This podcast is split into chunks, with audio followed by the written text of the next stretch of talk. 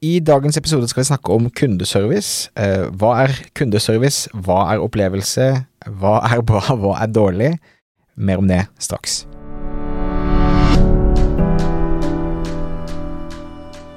Velkommen til Netthandelspodden. I denne podkasten guider vi deg gjennom hvordan du kan drifte og skape vekst i din nettbutikk. Vi har lang erfaring innen netthandel og ønsker å dele alt vi har lært og nettverket vi har bygget opp, til å gi deg enkle, konkrete råd som du kan ta i bruk i hverdagen din.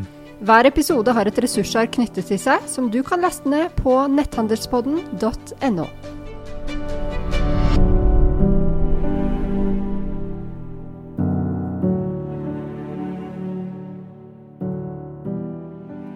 Thomas. Starter alltid med å si Thomas, ta litt tak i deg. Ja, ja. Du stilte et spørsmål til folk før vi gjøv løs på sesong to. Hvor du spurte veldig omtenksomt hva er det folk er interessert i å, at vi skal snakke om. Mm. Og det vi har som tema på denne siste episoden i sesong to, det er noe som ingen skrev. ja og vi var, vi var begge litt sjokkert over at ingen skrev Ja. det, for det er Nå føler jeg vi har sagt det om nesten alle episodene, men det er kanskje det viktigste man skal ha, eh, eller man har på plass for å I hvert fall få kunder til å kjøpe igjen. I hvert fall få folk til å anbefale det. Men, men, men, men kundeservice, det er eh, noe som tydeligvis enten de som lytter følte de hadde 100 kontroll på, og dette, har vi, dette er ikke noe problem. Eller så var det noe eh, de kanskje ikke tenkte på, men som både meg og deg mener at de bør tenke på. Og, og du sa at dette er kjempeviktig. Jeg har det sånn med, med kundeservice, det er et av de temaene som jeg, jeg har så innmari engasjement rundt det, og måten jeg merker det på, det er at jeg har en tendens til å liksom fyre meg opp, at jeg blir skikkelig provosert når jeg blir utsatt for dårlig kundeservice. Uh, sånn at jeg skjønner at det, det snakker til noen verdier i meg på noen måte. Da. Ja, ja. Det virkelig betyr mye for meg. Ja. Og det er noe jeg har vært opptatt av eh, siden tidenes morgen, holdt jeg på å si, gjennom hele retail-karrieren min, Ja. og har søkt meg til steder å jobbe hvor de er opptatt av god kundeservice. Ja. For det har liksom harmonert med mine, mine verdier. Ja. Så jeg gleder meg veldig til dagens episode. Vi, det er et stort tema. Så vi, vi har ingen ambisjon om å klare å dekke alt som, eh, som er relevant når man snakker om kundeservice. Så, men vi kommer til å være innom nok til at det skal bli en del matnyttig, og forsøke å gjøre det konkret eh, nå også. Ja, og, og minner om, som alltid, ressursarket, som linkes til i eh, shownotes på episoden, der vi også prøver å konkretisere linker eventuelt til ting vi nevner videre, men der du på en måte har en god oppsummering av, eh, av tankene våre. Mm. Er det naturlig da å, å stille det veldig åpne spørsmålet hva er kundeservice først? Mm. Det er eh, et veldig godt sted å starte. Og der kan man jo tenke at uh, man vet akkurat hva det er, men jeg tror det kan være ganske individuelt hva folk legger i begrepet. Og jeg legger kanskje mer i det enn mange andre. Eller jeg tenker på kundeservice som noe veldig bredt. Ja. Fordi at uh, for eksempel det at du får produktene til riktig tid, og uten at det er noe tull underveis. Altså at systemene dine fungerer. Ja. Det mener jeg er god service overfor kundene. Mhm. Men så er det en sånn tradisjonell måte å snakke om kundeservice på. Så tenker man kanskje på de der ansatte som sitter og tar imot henvendelser når kunden har noe problem eller lurer på noe eller noe sånt noe. Ja. At kundeserviceteamet, det er det som, eh, som er kundeservice. Ja. Ja, enten at du svarer på spørsmål og henvendelser, det er kanskje den, den enkleste formen for kundeservice, mens det du sier, som jeg er helt enig i, er jo at det handler jo like mye om hele opplevelsen av å handle hos deg og være kunde hos deg. Og god service er jo å eh, som et minimum levere som forventet, men i de aller fleste tilfeller levere mer enn forventet i forhold til å få ting raskere, at ting går mer sømløst, at det gjøres med et smil rundt munnen, at det skaper gode følelser, osv., osv., osv. Og akkurat det med kundeservice, det er et, eh, det er et veldig kult og interessant eh, punkt, fordi at det er mange små som ofte trekker frem det med service. Når jeg spør hvorfor i all verden skal jeg handle hos akkurat deg, det er et spørsmål vi har stilt tidligere i podkasten Yes. også. Um, og ikke hos for eksempel noen av gigantene eller sånt. Og så sier de ja, men vi har så personlig service, vi yter god service. Og da kommer igjen det spørsmålet. Ok, men hvis disse store gigantene klarer å tilby en filtrering på siden som er mye mer sofistikert, at du får mye, mye kjappere komme frem til det du ser etter, at du kjappere får produktene dine, eksempel, altså alle de tingene som er rundt opplevelsen, så kanskje ikke den servicen som du snakker om, kanskje ikke den veier like tungt allikevel. Og ikke for det um, jeg vil Jeg kan være fullt enig i at veldig mange av de små aktørene virkelig kan hevde seg når det kommer til service, og jeg håper enda mer etter denne podkast-episoden. Eh, og for øvrig de store Jeg snakker like mye til de store i denne episoden, um, som uh, også skal ta service veldig, veldig alvorlig. Ja, men, men ja, ikke Altså eh, jeg tror at de små har en fordel med at de kan gjøre det uskalerbare med å liksom prøve å yte det litt ekstra individuelt. Men som du sier, jeg tror de store har en fordel med at de kan lage bedre prosesser så ting gir mer, gir mer sømløst, og du får kanskje en mer lik opplevelse eh, av å handle gang på gang på gang. Mm. Um, og uh, ja, men, men kundeservice er, er, på en måte alt, men hvis vi begynner med liksom prøve å konkretisere litt, eller liksom gå inn i forskjellige elementer av kundeservice, da, så hvis vi tar for oss først den delen med at folk henvender seg til deg, mm. enten fordi de ønsker å kjøpe noe, mm. har kjøpt noe, mm. eh, og er fornøyd, ikke fornøyd, eh, mm. eller har fått varen fornøyd, ikke fornøyd. Mm. Hva er hva er eh, do's and don'ts, hva er tankene våre rundt akkurat den prosessen, da, for å mm. liksom begynne å konkretisere litt? Ja, um, først og fremst så tenker jeg at uh, det er god service å være til stede for kundene der de ønsker å ta kontakt med deg. Mm. Så du skal ikke tvinge dem til å bruke et kontaktskjema hvis de egentlig ønsker å kunne kontakte deg også i sosiale medier, f.eks. Ja. I en perfekt ja. verden så skal du kunne være tilgjengelig på telefon, på chat, på, på SMS, på e-post, eh, dukke opp på kontoret. Altså du skal, være, du skal kunne ta dem imot der de ønsker å prate med deg. Mm. Mm. mm. Ja. Enig. Og så blir det jo selvfølgelig Det er alltid praktiske, praktiske avveininger å gjøre der. Så kanskje du har noen gode grunner til ikke å ha telefon, f.eks. Men da vet du bare at om du er tilgjengelig i alle disse kanalene, så yter du per definisjon bedre service enn om du ikke er det. Og det kan også være, kan også være greit å f.eks. ha telefon tilgjengelig, men så vil du se fordi at du er såpass god i de andre kanalene, f.eks. ved chat, som kan være veldig effektivt for deg som virksomhet, for du kan hjelpe flere på en gang, så vil du se at det kanskje ikke er noe særlig volum på telefonen fordi at folk syns det er helt fint å bruke chatten eller bruke e-post eller sånt noe. Mm. Men bare det at du har tilbudet der tilgjengelig, det Gir den godfølelsen. Ja, ikke sant. Det er jo med på å høyne nivået på din service. Og det jeg snakket med flere mm, netthandlere som har hatt telefon tilgjengelig, og så kom pandemien, og så har de ikke hatt noe, de har hatt kanskje én telefonsamtale om dagen eller noe sånt nå.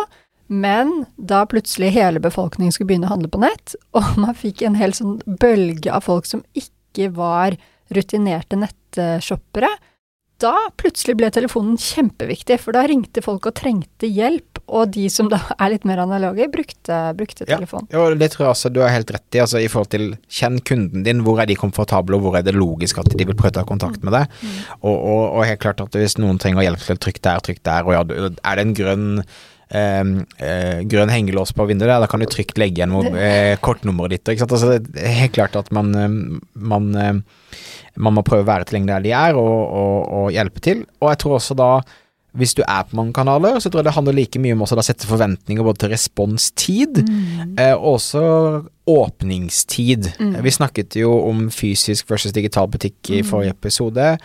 Og noe av det som ble nevnt der, var jo på en måte at før så når man stengte butikken, så stengte man butikken til man åpnet opp butikken fysisk dagen etterpå. Mm. Her er det som oftest en forventning til, til, respons også på kveldstid, og kanskje raskere, som er mer urettferdig, men som er liksom hva folk føler og tenker. Mm. Eh, så det å sette forventninger der tror jeg er viktig. Du mm. nevnte at Get Inspired annet hadde åpningstider mm. på, på, kvelden også. Ja, og så tok jeg og dobbeltsjekket etter at vi spilte, ja. spilte inn episoden. Uh, og det de hadde gjort da i mellomtiden, som jeg oppdaterte da i ressursarket Ressursarkene er alltid veldig oppdatert. Ja, ja, ja. Uh, for da har vi dobbeltsjekket alt det som renner ut av munnen vår når vi sitter her og prater sammen. Ikke sant? Ja, ja. Og skrevet det vi skulle ønske vi hadde sagt og sånt. Mm. Men uh, det de gjorde tidligere, var at de hadde åpningstid på kundeservice f.eks. Jeg tror det var til fire eller noe sånt på fredag, og så visste de at folk dro hjem og handlet og hentet barna sine og sånt noe. Ja. Og så startet åpningstiden igjen senere på kvelden på fredag kveld, og så hadde de åpningstid fra kanskje ti til eh, seks eller noe sånt på lørdag, for lørdag har i hvert fall en del mennesker et liv om kvelden. Mhm. Nå, nå finner jeg på alle tidene, for jeg husker ikke helt nøyaktig. Ja. Og så starter litt senere på søndag eller sånt noe, men poenget var at åpningstidene, de rimte veldig med det vi Folks behov Ja, mer enn eh, vi- de ansattes eh, timer. Ikke sant? Og det vi ser er folks handlemønster sånn generelt på nett, da. Ja. Og det gir jo mening, ikke sant? Være tilgjengelig for folk når de faktisk trenger hjelpen din. Og det hjelper jo ikke at du har åpningstider på eh, kundeservice på søndag hvis du har to døgns svartid, sånn at når folk sender den e-posten eller chatmeldingen eller hva, hva det er, så får de svar på tirsdag. Mm. Da, da spiller det ikke så stor rolle. Men, men det å faktisk eh, ha et system så du klarer å svare folk kjapt, og på det tidspunktet der de ønsker hjelp, det er, eh, er klart et pluss. Ja. Men hadde de gjort om praksisen sin nå, så nå var de bare tilgjengelige hele tiden, for de er blitt så store, Ja, eller? nei, det, de, de hadde en litt sånn vagere formulering, at vi er, eh, vi er tilgjengelig eh, um, det meste av døgnet, det meste av uken i uh, liksom de fleste kanaler, altså ja, noe ok, sånt noe. Ja. Så antagelig så er det egentlig bare et uttrykk for at de har satset enda mer på tilgjengelighet, men de har ikke satt noen sånn bestemte tider på det. Men for andre som da føler kanskje overveld fra før av av å drive nettbutikk, så kan det være lurt å sette noen forventninger og noen tidspunkter man er ekstra Ja. tilgjengelig. Veldig, veldig lurt. Um, og, Og så, og, eh, altså, for en ting, her snakker vi om det der at du skal være tilgjengelig for kundene og svare dem når de lurer på noe.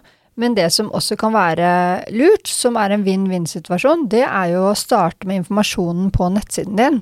At du har såpass god informasjon. Én ting er på produktsider og alt som handler om produktene, men også alle informasjonssider. At du har så god informasjon at kunden lett kan drive selvbetjening eller finne svar på ting selv. Og da eh, Misforstå meg rett, jeg oppfordrer deg ikke til å lage sånn grusom sånn du kommer inn til support og vil ha hjelp, og så må du gjennom en sånn jungel av FAQ før du får lov til å ta kontakt. Det er ikke det jeg oppfordrer deg til. Men sånne spørsmål som du lett kan eh, gi informasjon om, bør du absolutt ha tydelig informasjon om, for det gagner deg selv også. Da får du ned Ja. volumet av henvendelser. en god idé kan være at uh, når du har fått en henvendelse med et spørsmål mer enn kanskje to-tre ganger, så kan du sette deg ned og så kan du lage en artikkel ut av det du svarer til kunden, i forhold til ofte svarte spørsmål osv. Ok, men skal vi si at vi har kommet så langt vi er tilgjengelig, vi er, uh, har opplyst uh, om når vi er tilgjengelige, vi har god informasjon på siden, Ja. og vi får henvendelser likevel, og det ønsker vi velkommen, Mhm. fra kunder. Ja. Jeg har vært eh, kundeserviceansvarlig i XXL, var en del av, av jobben uh, som Altså, jeg var ansvarlig for kundeservice og e-handel. og hadde flere som workshops med kundeservice-teamet der. Og da lærte jeg bort en oppskrift som jeg veldig sjelden deler faktisk eh, offentlig. Oi, oi, oi, oi, oi, eksklusiv for ja, ja. Nei, Handelspodden. men det er ikke Ja, det er i og for seg litt eksklusivt, men det er jo ikke egentlig noen hemmeligheter. Men kanskje det er fordi at folk har ikke vett til å spørre om det med kundeservice, at det er derfor jeg har snakket såpass lite om det. Ja. Men da var det i hvert fall Jeg ga dem en sånn sjekkliste av noen helt konkrete punkter som jeg ønsket at de skulle være igjennom når de fikk eh, henvendelser. Så jeg tenkte jeg kan dele det. Veldig gjerne. ja. Og første punktet, det er når du får en henvendelse, at du leser hele, og at du leser den grundig. Og Så- dette Så du ikke begynner å svare på ting eh, med en gang, men må forstå hele spørsmålet og konteksten. Ja. Mhm. Og dette høres jo helt teit ut, og sånn Det er jo en selvfølge. ja. Ja, men et, apropos det der at jeg blir provosert når jeg opplever dårlig service, kontaktet et hotell, jeg skal ikke si navnet, jeg har veldig lyst til å gjøre det. Uh, Bare si det. Det. Nei, i, for, i forrige uke eller noe sånt nå. Hadde brukt tid, ikke sant, hadde informert meg masse, lest meg opp og holdt på rundt på nettsidene der. Sender dem en henvendelse, skriver tydelig at jeg har sett på nettsiden, men ikke funnet akkurat det jeg ønsker, og stilte en del spørsmål rundt det. Og får da svar som ikke tar hensyn til det jeg har skrevet, at jeg faktisk hadde fått med meg informasjonen, så bare gjengir de informasjonen som var på nettsiden. Så det er så frustrerende. Du sitter og ler av meg. jo, men jeg føler det. For jeg, jeg, jeg, jeg, jeg har også sånn sterke følelser. blir sånn skikkelig provosert. Kjenner jeg backer litt av uh, mikrofonen her. Ja. Martes uh, frustrasjon. Ja. Nei, men det er så frustrerende for kunden å ha skrevet til deg, og så svarer du bare på spørsmål én og to, og ikke på nummer tre. Det er respektløst. Det, du, du, har ikke sett kunden, du har ikke ja. tatt inn over deg hva kunden egentlig trenger hjelp til. Ja. Og det gjør også Det vil gjøre det veldig mye mer effektivt for deg selv også, hvis du faktisk tar deg tid til å lese grundig og forstå det kunden, kunden ja. skriver. Og det er full forståelse for at hvis det kommer masse hendelser, masse spørsmål, at du vil ønske å liksom få ting unna så fort som mulig. Men noe jeg lærte i militæret som, eh, som, jeg bruker ofte, som jeg tenker ofte over, er at det, eh, når du skal snakke på samband, altså på walkietalkien, du skal kommunisere med laget ditt, så sier de at du skal alltid huske på TTT. Tenk, trykk, tal. Altså du skal først tenke deg om hva du skal si, så skal du trykke inn knappen, og så skal du prate. Mm. Ikke sant. Det er det samme her. Du må, du må, lese, og så må du tenke over greit, hva er det egentlig problemet, hva, jeg, hva er beste måten å løse dette på, og dette en, blir dette en god opplevelse av å få dette svaret, og så mm. sende tilbake. Ja. Mm. Og den kan vi ta nå som en elegant overgang til neste punkt. Hva gir egentlig en god opplevelse? Hva er et godt svar? Og der har jeg som første punkt at ta alltid og anerkjenn kundens smerte. det er sånn jeg pleier å formulere det. Ja. For veldig ofte så er det sånn at folk tar kontakt med deg, og så har de en eller annen frustrasjon, det er et eller annet som ikke funker for dem. Um, og det viktigste for dem er ikke nødvendigvis å få det derre avslaget i pris, eller hva nå de ber om, eller hva løsningen kan være, men veldig ofte så er det viktigste at de blir lyttet til. At de skjønner at her er det noen som virkelig bryr seg om meg, som ser meg, hører meg og bryr seg om meg. Ja. Og hvis du klarer å bare starte de, ditt svar med å vise at du har skjønt akkurat hva de, hva de ber om, og hva de skriver, og deretter så sier du Thomas, dette skjønner jeg var veldig, veldig kjedelig, og jeg syns det, det er ordentlig leit at vi at det ble sånn, eller ja. at vi gjorde sånn. Altså, alltid ta eierskap til det. Ja, ja. Ikke si sånn 'jeg er lei meg for at du' er, At du opplevde det, det føltes som sånn, Så kjipt at du har fått feil størrelse, Marte. Det skal vi selvfølgelig ordne. Det skal selvfølgelig ikke skje, og jeg skjønner at dette kan være kjempefrustrerende når du skal eh, Mm, ja. Så, det, så, det, å faktisk anerkjenne kundens smerte, hvis du gjør det, så er så mye gjort bare der. Da vil du ofte oppleve at kunden snur med en gang fra å være tilsynelatende kjempesint til å bli på ditt lag og, og ha full forståelse osv. Du, du avvæpner situasjonen. Og det, fortel, det, forklarer det meste om norsk kundeservice, når vi egentlig forventer å få et dårlig svar tilbake, og vi forventer ikke bli hjulpet. Ja. Men vi har liksom bare Greit, jeg må bare si dette likevel, bare for å få ut frustrasjonen. Så da å faktisk bli hørt og anerkjent, og at det mm. føles som et menneske som, som, føler smerten din, mm. eh, det tror jeg er eh, gull. Mm og så videre. Det henger sammen med at du skal lese og forstå alt, så skal du selvfølgelig da svare på alt som vedkommende har tatt opp, sånn at uh, det ikke er noen ting som, som, henger der.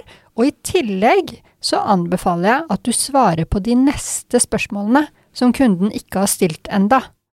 Fordi at du har erfaring, du vet hva det er sannsynlig når dere har fått avklart, kommet liksom til dette punktet, så vet du hva kunden kommer til å spørre om i neste omgang. Da kommer kunden til å spørre om ja, kan jeg få legge den av, eller kan jeg ditt og datt, altså hva nå, hva nå det er. Så hvis du har lyst til å være litt effektiv, så tar du og svarer på det spørsmålet som ikke er stilt ennå. Så du løser også. saken mer enn å svare på spørsmålet? Ja. Egentlig. Du, ja, ja, altså, absolutt. Det, det. Du skal skjønne hva som vil være liksom den endelige løsningen og avklaringen for kunden. Ja, det tror jeg er et kjempe, kjempepoeng. Og så, for at kunden skal, eh, skal føle mm, at, eh, eller at det er god kommunikasjon, så anbefaler jeg også at du speiler kundens språk. Og det gjelder uansett kanal, egentlig. Men la oss ta e-post som eksempel, da. Så hvis du er en sånn type som har skrevet tre avsnitt til meg, så vil en effektiv kundeservice-ansatt vil egentlig kunne kjapt se at ok, dette handler om det og det og det, dette er løsningen. Vil kunne svare i kanskje én setning eller to setninger, men til den personen som har skrevet tre avsnitt og liksom hatt hele livshistorien sin inni der, så skal du ikke gjøre det. Da skal du skrive litt lenger.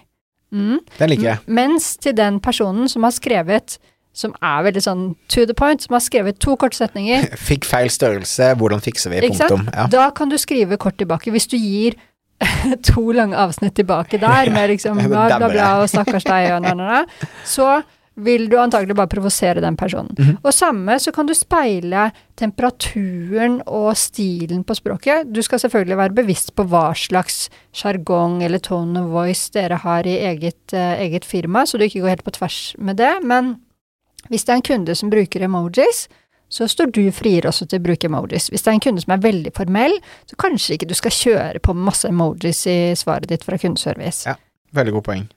Så er det jo ofte sånn at man har på en måte noen regler og retningslinjer, ikke sant. Du har kjøpsbetingelser og um, alle mulige sånn føringer for hvordan et problem kan løses. Og i en del tilfeller så vil kunden på en måte har feil, ikke sant. Kunden ber om et eller annet fordi at de har misforstått noe, eller de har ikke skjønt informasjonen ordentlig, eller de er urimelige, eller hva nå det er. Og da har jeg lyst til å sitere en tidligere ansatt som jeg hadde i Lillevinkelsko. Det er vel sånn ja, 20 år siden, eller, eller noe sånt, kanskje bare 15. Og han sa at det viktige er ikke hva som er rett, men det er hva det er riktig å gjøre. Og det var kanskje litt komplisert setning. Oh, ja, det, nei, det likte jeg. Ja, jeg likte Ikke sant? Sånn at om du, eller dere som nettbutikk, har retten på deres side i forhold til hva som er kanskje reklamasjonsfrist eller ditt og datt, så, så er det ikke sikkert at du skal drive og stå på det og være liksom sånn den som vinner i diskusjonen med kunden. Men det som vil være riktig å gjøre, det er å gjøre kunden fornøyd Mm. som en hovedregel. Ja. Mm. Og det vil du tjene så mye på på sikt. Så det å strekke deg litt lenger, og da er vi over på masse ting som jeg har lyst til å, at vi skal snakke litt mer om, som handler om liksom hele kulturen i bedriften, og hvilken status kundeservice, og da egentlig heller hvilken status kundene har i bedriften, Mm. det er jo sånn som vil avgjøre hvor lett det er å faktisk komme kundene i møte og være rause og velge den eh, løsningen som kunden vil føle er den riktige løsningen, helt uavhengig av alt det der med sånn hva som på papiret kanskje er riktig. Godt poeng. Liker det godt. Så det er vel Det, Det var lista du delte til eh, XXL Ja, kundeservicegjengen. det- Ja, og nå har jeg ikke den listen skrevet ned, så dette var sånn litt sånn fra hodet, men jeg tror jeg har vært gjennom på en måte de viktigste punktene der. Ja. Hvis du klarer å, å håndtere kundeservicehenvendelser på den måten, så er det sannsynlig at du kommer til å yte god service. Ja, ja.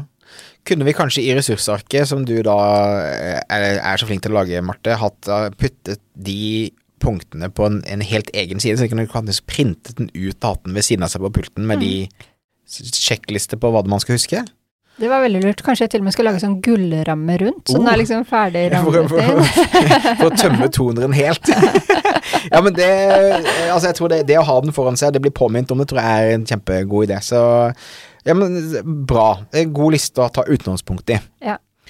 Så, men du har lyst til å løfte litt videre, liksom fra egentlig fra kundeservice til kundeopplevelse. Du snakker liksom litt sånn bredere på på, på, på, på både do's and don'ts, men også liksom hva, hva det betyr. For det som du begynte innledningsvis med, så liksom Kundeservice er kanskje å svare på spørsmål, men kundeservice er alt. Kundeservice Mm. er eh, hvordan siden din fungerer, det er Mm. hvor raskt den laster, det er Mm. hvor raskt du får produktene dine, osv., så videre, hvor enkelt det er å retur. Mm.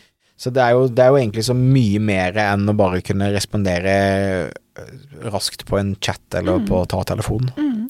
Og, og i den forbindelse så kanskje det kan være lurt også å ha noen mål på hvor eh, Altså noen ting man forsøker å oppnå som kundene er særlig opptatt av. Ikke sant? Vi måler i omsetning, vi måler i trafikk, alle mulige sånne ting. Men det å faktisk målfeste hva er det som betyr noe for kundene? Hvordan scorer vi i kundeopplevelse. Det er en del som bruker sånn Net Promoter Score, Mm. Eh, som er en sånn, kjapt for de som ikke vet hva det er, at du har helt sikkert opplevd å få uh, et spørsmål etter at du har handlet et sted, eller fått uh, hjelp et sted. Hvor fornøyd var du i- Hvor sannsynlig er det at du vil anbefale oss til noen andre? Ja. Fra én til ni, Ja. tror jeg det er. Mm. Og hvis du kanskje er én til ti, i hvert fall hvis det er de to øverste karakterene der, så er det veldig bra, og så skal du hele tiden forsøke å ligge, ligge høyt oppe. Ja. Så det, det er jo et sånt mål man kan ha, men det kan være andre mål, eh, mål også. Ja, altså, jeg, jeg tror at uh, altså, en, en ting er liksom en PS-score, men andre er liksom enkle Det fins innebygd liksom Løste vi saken for deg, og blei du fornøyd? Altså stille sånne raske spørsmål du kan bare svare på et klikk, tror jeg er bra. Det å se på um, snittid man responderer på en e-post, eh, eller på en henvendelse, er også uh, gode indikasjoner. Og du kan til og med trekke ut da om den henvendelsen øker eh, eh, livstidsverdien på kunden. Ikke sant? Du kan faktisk gå liksom helt i dybden og se at okay, av de som henvender seg til oss, og så gir vi dem såpass god opplevelse at de handler igjen, eller de handler oftere, eller de handler mer, og så, og så videre. Og det blir jo litt mer sofistikert, men det som er veldig viktig her, som du er inne på, det er jo akkurat det der med måling. Mhm. Og, og det vil jeg absolutt si at på linje med at du måler andre ting, så bør du måle hva som skjer på kundeservice. Du nevnte hvor raskt man får eh, svar, det er ett mål. Eh, Jeg foreslår også at man måler hvor mange interaksjoner frem og tilbake er det før saken er løst. Mm. Ikke sant? Fordi Ja. at eh, det skal ikke nødvendigvis være Eller det skal ikke være nødvendig å maile frem og tilbake fire-fem ganger for å løse noe. Ja. Og da vil du også kunne se på de ulike kundeservice-medarbeiderne om det er noen som er flinkere til å få løst saker raskere eller mer effektivt enn andre. Ja. Uh, og det betyr ikke at det, noen er dårlige og noen er gode, men da kan man lære av de som klarer å få kunden fornøyd og få løst saken kjapt, kan lære av dem, og så overføre det til, til de andre. Absolutt. Um, og en annen ting som du selvfølgelig bør eh, måle, det er antall henvendelser som du får Ja, i alle kanalene. I forhold til Altså, En ting er antall henvendelser, men i forhold til antall besøkende eller bestillinger du har. Altså, Mm, for det når du ja. vokser, så Ja, vil selvfølgelig henvendelsene hendelsene forhold. vokse, men du må ha et forhold til det. Eh, Men det tror jeg også er kjempeviktig. Uh, og sånn at du har uh, følelsen av om det er mer henvendelser eller ikke, Mm. på tross av at du vokser. Og så kan du se hvor effektiv kundeservicen er ved å måle eh, svarsnitt. Det mitt, mitt tilfeldig valgte ord på det, men antall henvendelser håndtert per person på kundeservice per time. Akkurat som vi under logistikk, så snakket vi om pakkesnitt. Mm. Hvor mange pakker klarer man å sende ut per ansatt per time? Ja. Så akkurat det samme for, eh, for kundeservice-henvendelser. Mm. For det er jo et mål Antagelig, ta bitte litt forbehold, men antagelig så er det jo et mål å være så effektiv som mulig. Og så må det bare balanseres opp mot det at du skal gi folk en god opplevelse. Men hvis man måler det også, hvor happy var du, så, så er man på en måte trygg. Sørge for at folk er superhappy, og man, eh, man er effektiv i svarene. Absolutt. Helt i starten, Thomas, så, så snakket vi om det å over, overlevere. For vi kom jo med den oppskriften her i sted, altså hvordan svare bra på, på en henvendelse. Mm. Det som blir gøy, det er jo når man har det derre overskuddet. Sånn at man virkelig overrasker positivt. Og det kan du selvfølgelig gjøre ved at du gir folk en bedre løsning enn de hadde ventet. Jeg har antagelig dratt det eksempelet tidligere med en stakkars kunde på Lillevinkelsko som hadde fått eh, sorte Shimihara-sko når hun skulle på sånn jobbkonferanse. Ja. Tok kontakt med kundeservice, og hun skulle ha grå kjole. Hun hadde bestilt grå sko, vi hadde gjort feil. Ikke sant? Da sørget vi for at de grå Shimihara-skoene Kom opp med et fly eller noe, ikke det? kom opp med fly, Ja, ja. ikke sant? Ja. For det er da, da over... Eller jeg vet ikke, jeg vil ikke si at man overleverer, men man leverer kanskje bedre enn en de hadde ventet, da. Ja, ja, Mm. Men selvfølgelig helt på sin plass. Mm. Grå kjole, grå sko. Så Og eh, man må ikke nødvendigvis eh, rekvirere et fly for å overlevere, men sånne småting som for eksempel når saken er løst, dette opplevde jeg fra et eller annet amerikansk eh, firma, Så svarte da liksom Cindy eller Sherry eller et eller annet, da vi hadde, var enige om at alt var i orden, så sendte hun en sånn kul, morsom liten gif, sånn, uh, sånn liten videosnutt, liksom, Mhm. i mailen tilbake, som var skikkelig morsom, Ja. og som passet til sammenhengen. Som ble sånn Å, dette var, dette var litt overraskende morsomt. Bare en så bitte, Liten bitte på liten slutten. detalj. Ja. Så det å klare å finne noen sånne små ting hvor man kan overraske positivt Det tror jeg er eh, kjempeviktig. Det, men det, det er også Jeg vet ikke om vi har Jeg har bare jeg har skrevet 'no reply' med store bokstaver og firkant rundt seg, bare for å snakke om sånn, hvordan du ikke skal gjøre ting. ikke? Så én ting er å overlevere delightet og liksom Men, men, men det å em, gjøre det vanskelig å få svar, vanskelig kommunikasjon, er så provosert hver gang jeg får en at no reply e-post, for eksempel. Sånn hei, eh, vi vil selge noe, men ikke svar til oss, eller Mm. eh, eh, har et support-spørsmål eh, og svarer på kvitteringen, så kommer det ikke Mm. Fram. Og, altså, Ja. Det er så mange sånne småting som betyr så mye i forhold til å ha en god opplevelse. Da. Så, så gå gjennom det for deg sjøl Mm. og utfordre deg på liksom, hva, hva, hva er potensielle ting som du har i din Måten du håndterer ting på som kan skape frustrasjon like mye som hva som kan Mm. skape en eh, positiv opplevelse. Mm, Ja, det er kjempe, kjempebra poeng. Å bare gå gjennom punkt for punkt gjennom hele alle de der kontaktpunktene som kunden har med deg, egentlig, Ja. og stille det konkrete spørsmålet. Hvordan kan vi gjøre det litt bedre for kunden her?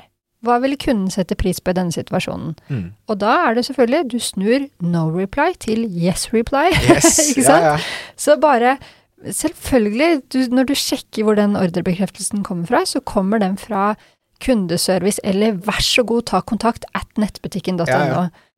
Jeg hadde en eh, Apropos dårlig opplevelse, jeg hadde en, en av disse bildelingstjenestene. Så sendte jeg en mail til først til eh, support at dette, denne tjenesten.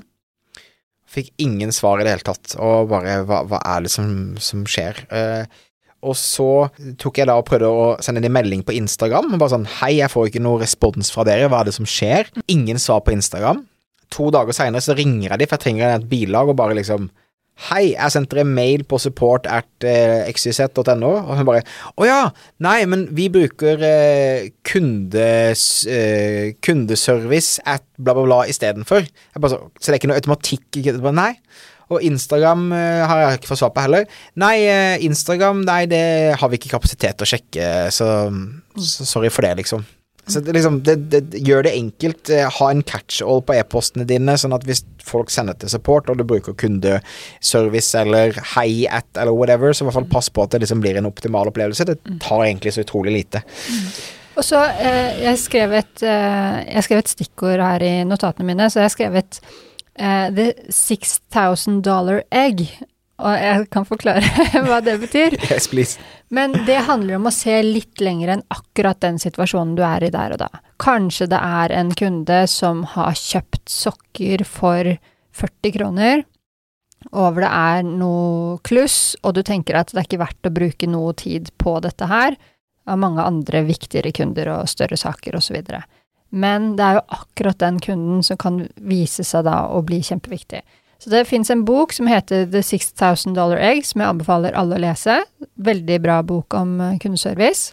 Link i ressursarket. Ja, og det er en gammel bok som fins bare på, på papir. Veldig gammeldags. Ja. Men i hvert fall, eh, der det fortelles historien om en kafé der noen kom inn, og de hadde ikke egg, og i stedet for at de gikk over gaten, altså kafeen, og kjøpte egg i den der matbutikken over, For over gaten omelett ja, Mm. for å lage den omeletten som var litt om å gjøre, så var de bare vrange og vriene. Og resultatet ble jo da at de mistet business som da ville vært lunsj for x antall mennesker i x antall år, eller, eller hva det var, da. Ja. Og det er, så, det er så klassisk, og det koster så lite. Og så er det så gøy andre veien, fordi at det er såpass mange som ikke er flinke, som ikke tenker på å gå over gaten når de er tomme for de eggene, eller melk, eller Mhm. hva det er, og bare fikse problemet litt mer kreativt enn det som er standard rutiner.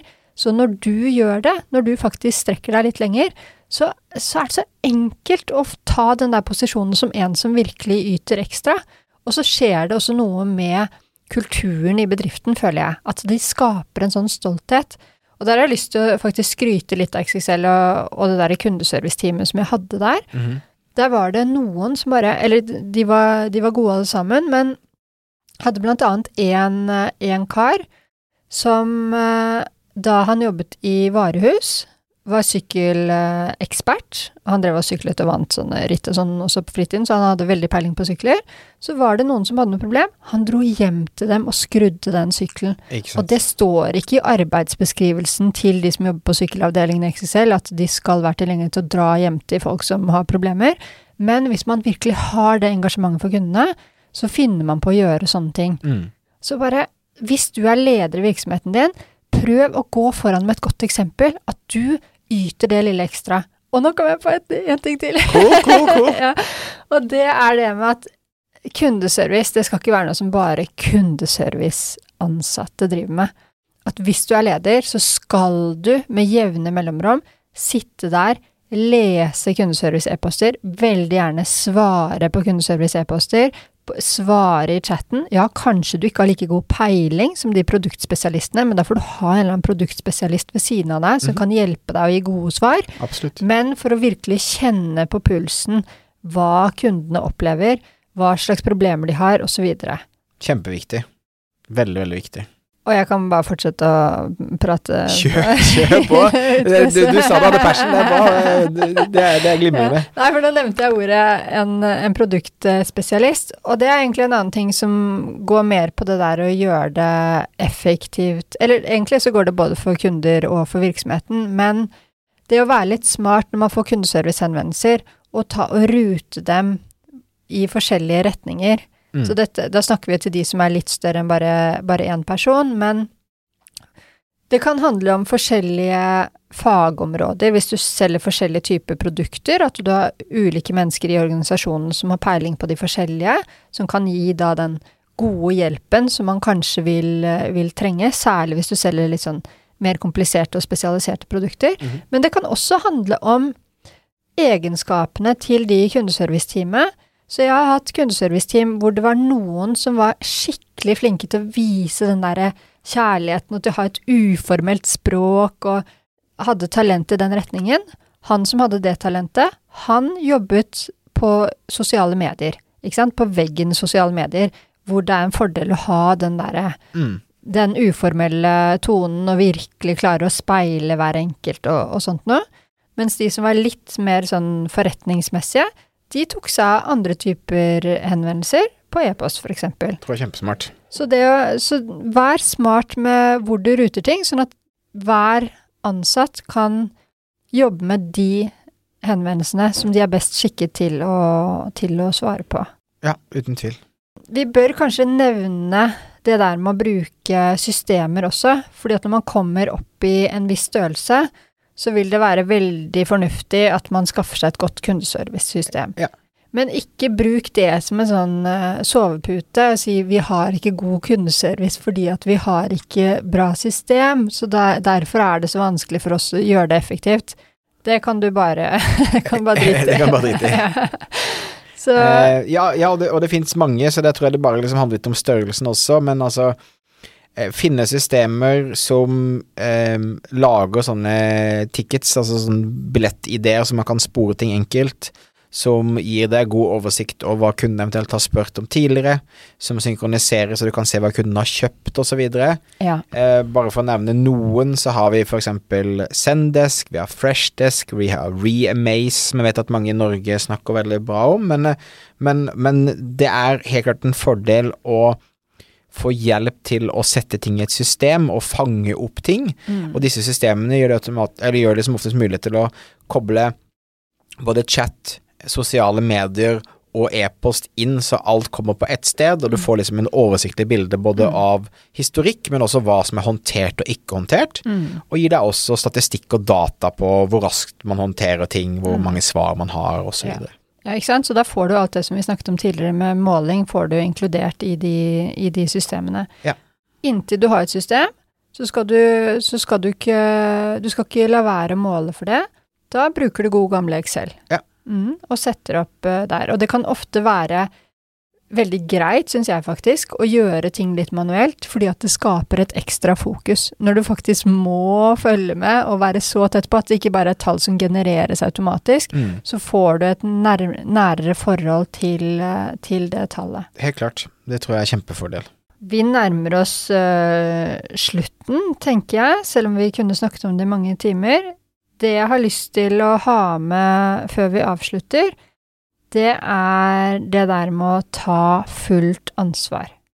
Når en kunde velger å bruke av livet sitt, tiden sin, pengene sine på deg og din nettbutikk, gir deg den tilliten ved å legge en ordre, så er det ditt ansvar at du leverer bra, og det ansvaret, det bærer du fra det sekundet kunden kommer inn til deg, helt til kunden sitter i stuen sin med pakken, og den har kommet frem sånn som den skal. Så det vil si at du kan ikke skyve ansvaret over på leverandøren, altså transportøren, Posten eller PostNord eller hva nå det er, og la kunden slite med dem, eller betalingsløsningen, om det er Klarna eller hva det er for noe. Det er ditt ansvar som nettbutikk at kunden blir fornøyd og får det som de forventer, og helst enda bedre. Helt klart, og, og det, er, det er den mentaliteten du må ha, tror jeg, for å ha en vellykket nettbutikk, og for å få kunder som kjøper igjen, og for å få folk, kunder til å snakke om deg til andre kunder, sånn at du vokser osv. Jeg tror det, er det å ta eierskap til, til det, og ikke skylde på noen andre, eh, og det å gjøre det lille ekstra når ting eh, skeier ut, det tror jeg er alfa og omega. Det, det tar det fra kundeservice til kundeopplevelse, og det er sånne nettbutikker som eh, vokser.